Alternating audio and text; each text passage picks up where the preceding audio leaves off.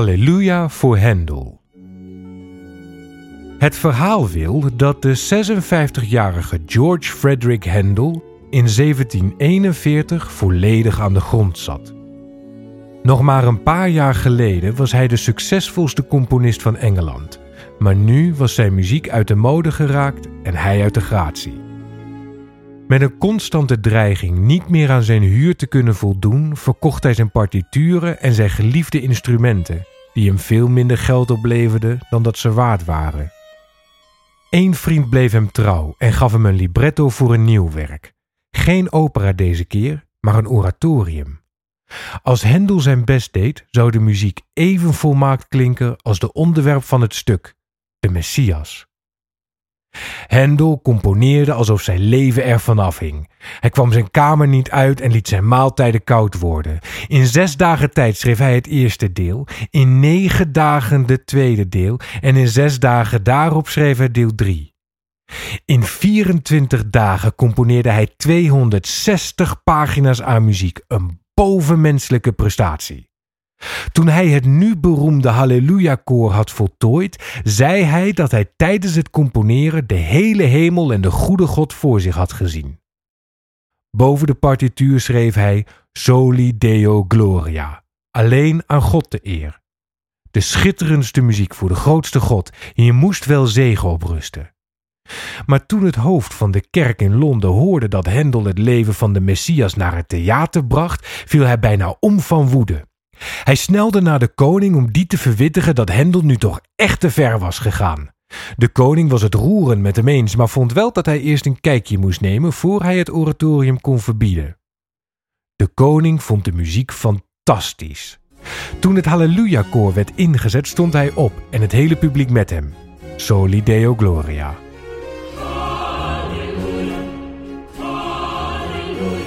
Hendel stierf een gezegend mens, met de Messiah als het hoogtepunt van zijn leven op aarde. In werkelijkheid zat Hendel in 1741 helemaal niet aan de grond. Hij was de enige levende persoon die in het Londense beeldenpark een standbeeld had gekregen, van marmer bovendien.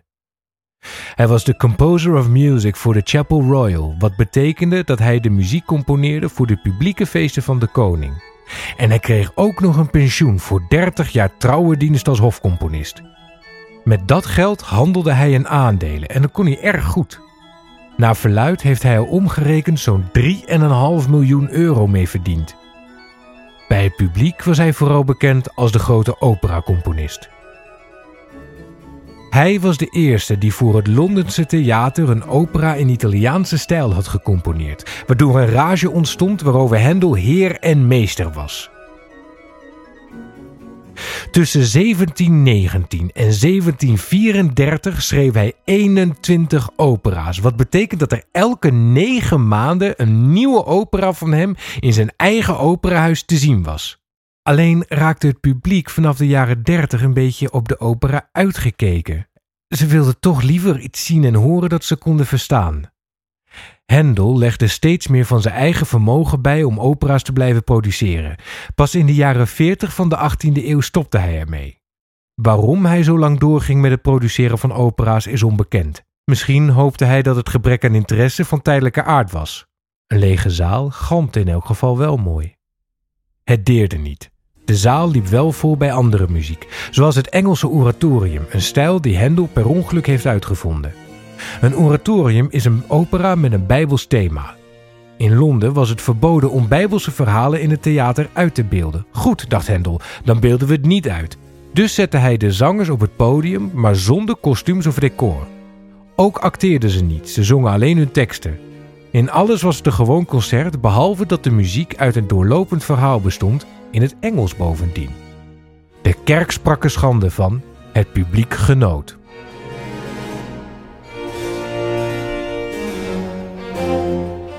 In 1741 kwam zijn librettist Charles Jennens met een tekst voor een nieuw oratorium. Hij had het jaar ervoor een libretto voor Handel gemaakt dat volledig bestond uit citaten van het Oude Testament. Dat had hij weer gedaan, maar nu ging hij een stap verder. Er woedde namelijk een felle discussie over de vraag of God zich actief met onze levens bemoeide of niet.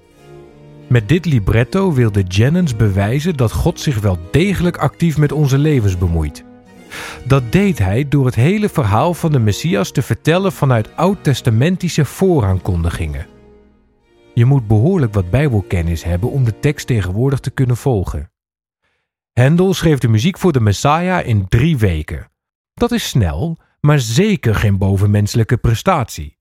Hendel schreef opera's altijd in drie of vier weken, tussen het einde van het ene theaterseizoen en het begin van het nieuwe theaterseizoen in. Ten eerste werkt elke compositie volgens een vaste structuur.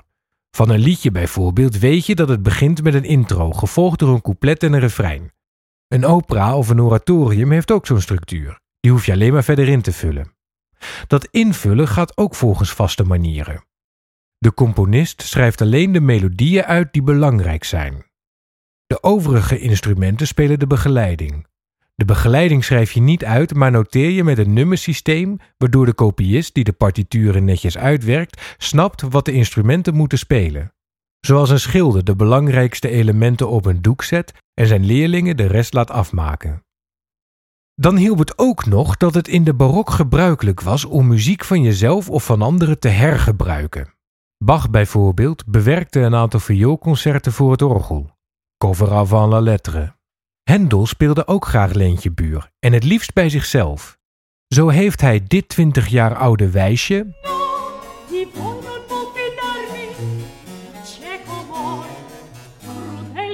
in de Messiah hergebruikt als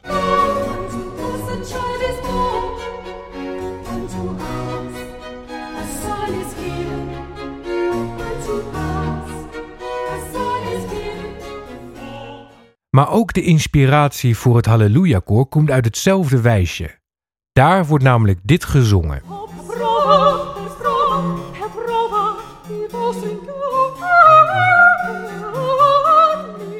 Er is misschien wat meer fantasie nodig om het Halleluja-koor hierin te herkennen, maar met een beetje knip- en plakwerk haal je het er zo uit.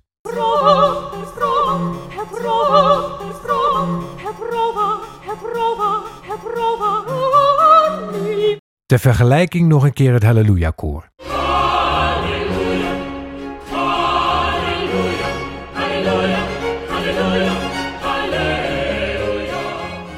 En nog een keer de oorsprong.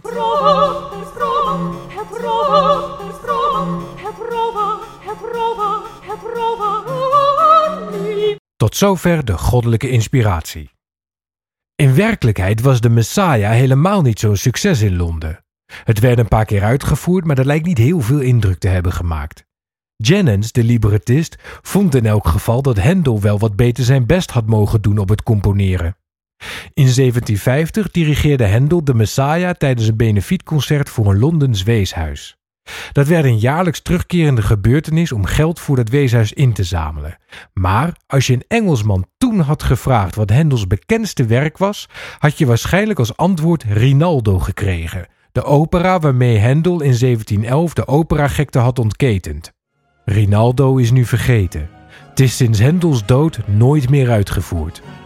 Maar als je nu naar een uitvoering van de Messiah gaat en het Halleluja-koor klinkt, dan sta je volgens gebruik nog steeds op. En terecht.